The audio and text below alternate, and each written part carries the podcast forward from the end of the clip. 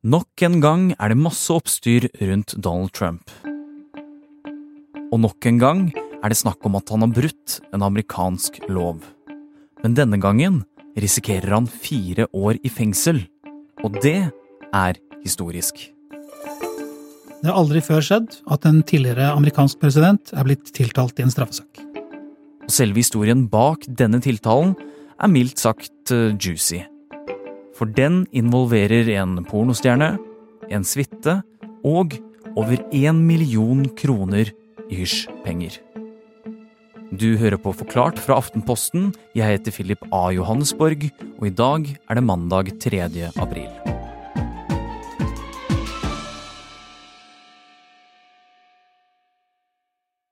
Donald Trump han er nå anklaget uh, for å ha forsøkt å dekke over, altså for å forsøke å skjule en forbrytelse. Kjetil Hansen, du er utenriksjournalist her i Aftenposten. Vi skal forklare dette litt nærmere litt senere, men da må vi først tilbake i tid. Hvor starter egentlig denne historien? Ja, På en måte så startet den eh, høsten 2016. Eh, det var eh, bare et titalls dager igjen eh, før det amerikanske presidentvalget. Eh, Donald Trump han eh, hadde en liten sjanse til å vinne, men han lå bak på meningsmålingene. Eh, og det hjalp ikke at eh, det litt eh, før i den oktobermåneden at det dukket opp et hva skal vi si, et lite smigrende lydopptak. Der Trump skrøt av at han pleide å, å tafse kvinner på underlivet. Grab by the pussy. I could do anything. Med andre ord så gjaldt det å unngå flere uheldige oppslag i pressen. Denne planen gikk helt fint eh, den gang, men dessverre for Trump hadde han flere skjeletter i skapet. La oss skru klokka ti år bakover, til 2006.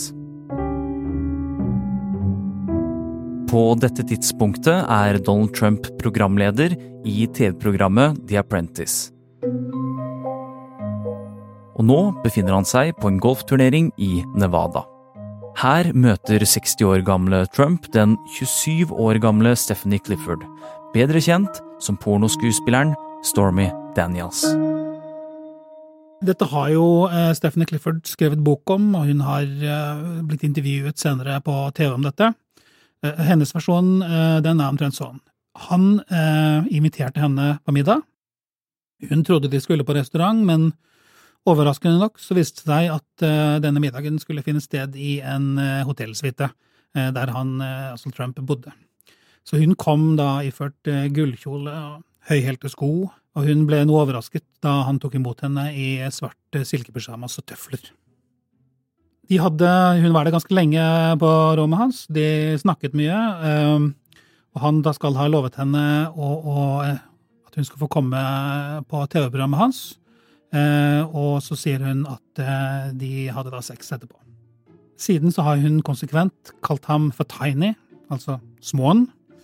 Eh, Donald Trump han har derimot nektet for at dette skjedde, for at de hadde sex.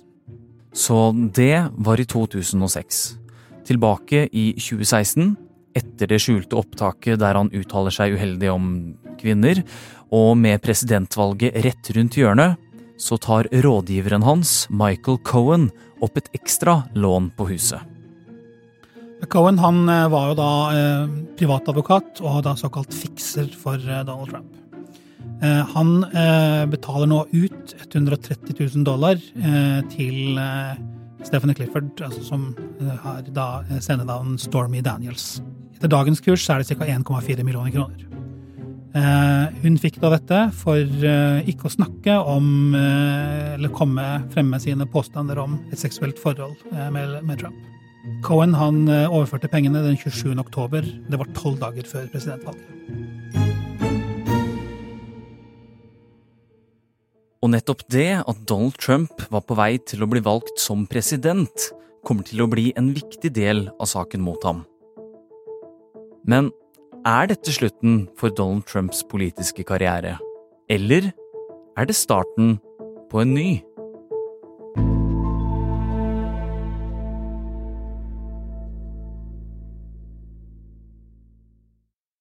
Det er ikke nødvendigvis uh, ulovlig å betale såkalt hysjpenger. Man kan godt betale noen for uh, å være taus om et eller annet, inngå en avtale om det, og det er heller ikke nødvendigvis ulovlig å bruke valgkamppenger til det. Det som er ulovlig, det er å gi altfor mange penger, eller låne altfor mange penger, til en valgkamp. Grensen den gangen var rundt 5000 dollar.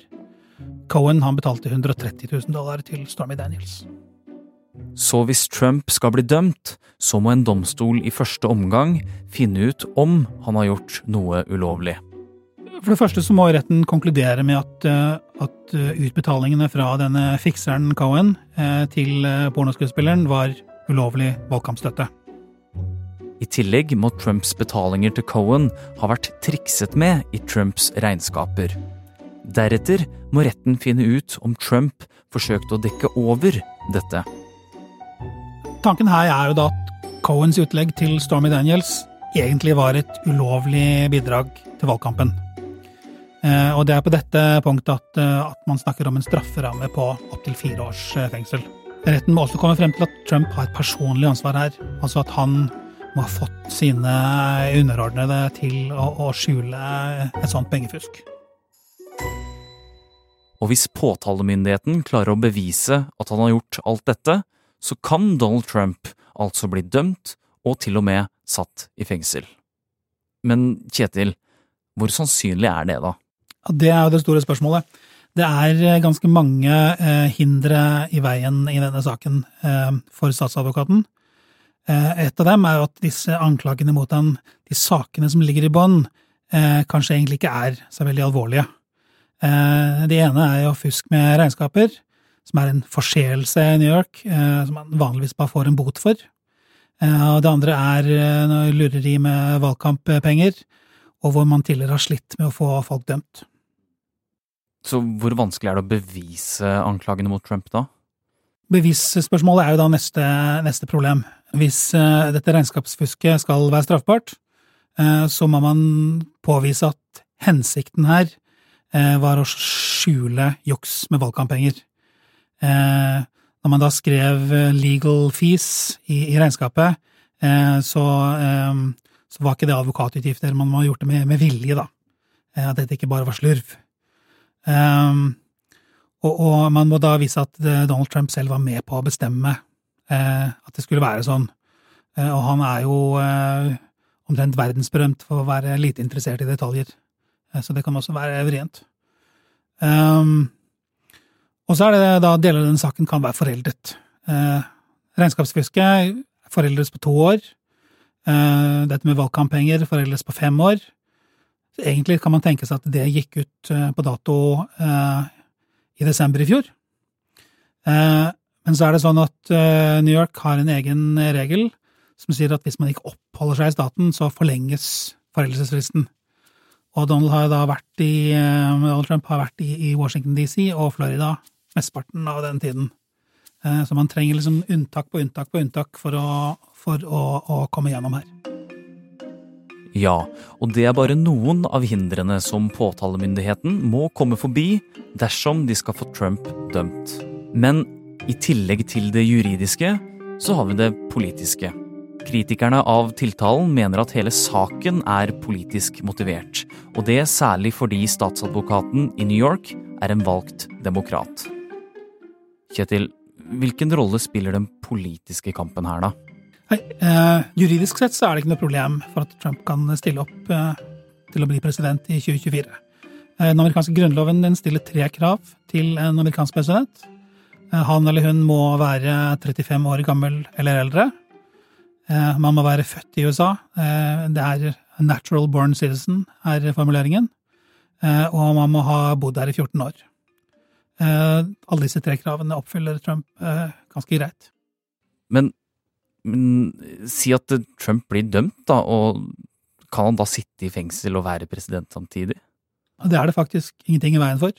Eh, han kan sitte sammen med sin tidligere økonomisjef på Rikers Island i New York og, og drive både presidentkampanje og USA. Men amerikanske presidenter Kittel, det kan jo også benåde eh, straffedømte. Kan Trump benåde seg selv hvis han blir president? Det kunne man selvsagt tenkt seg, men, Problemet for han her da er at dette er brudd på en lov i delstaten New York, og presidenten kan bare benåde eh, forbrytere som er dømt etter føderal straffelov. Så det kan han ikke.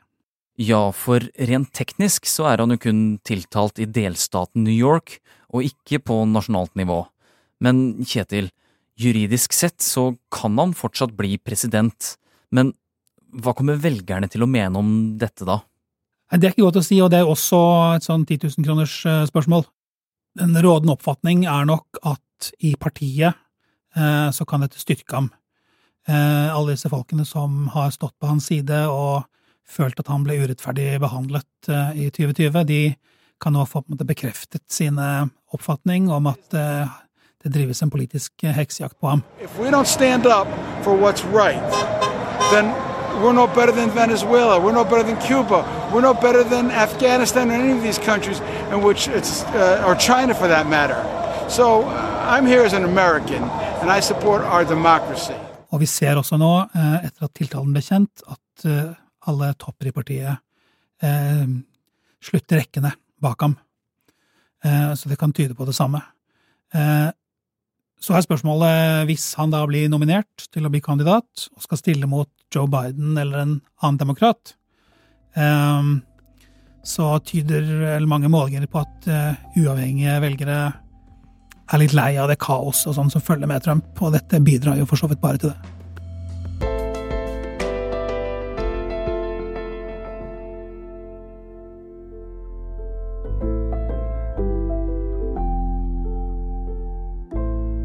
Du har hørt en podkast fra Aftenposten.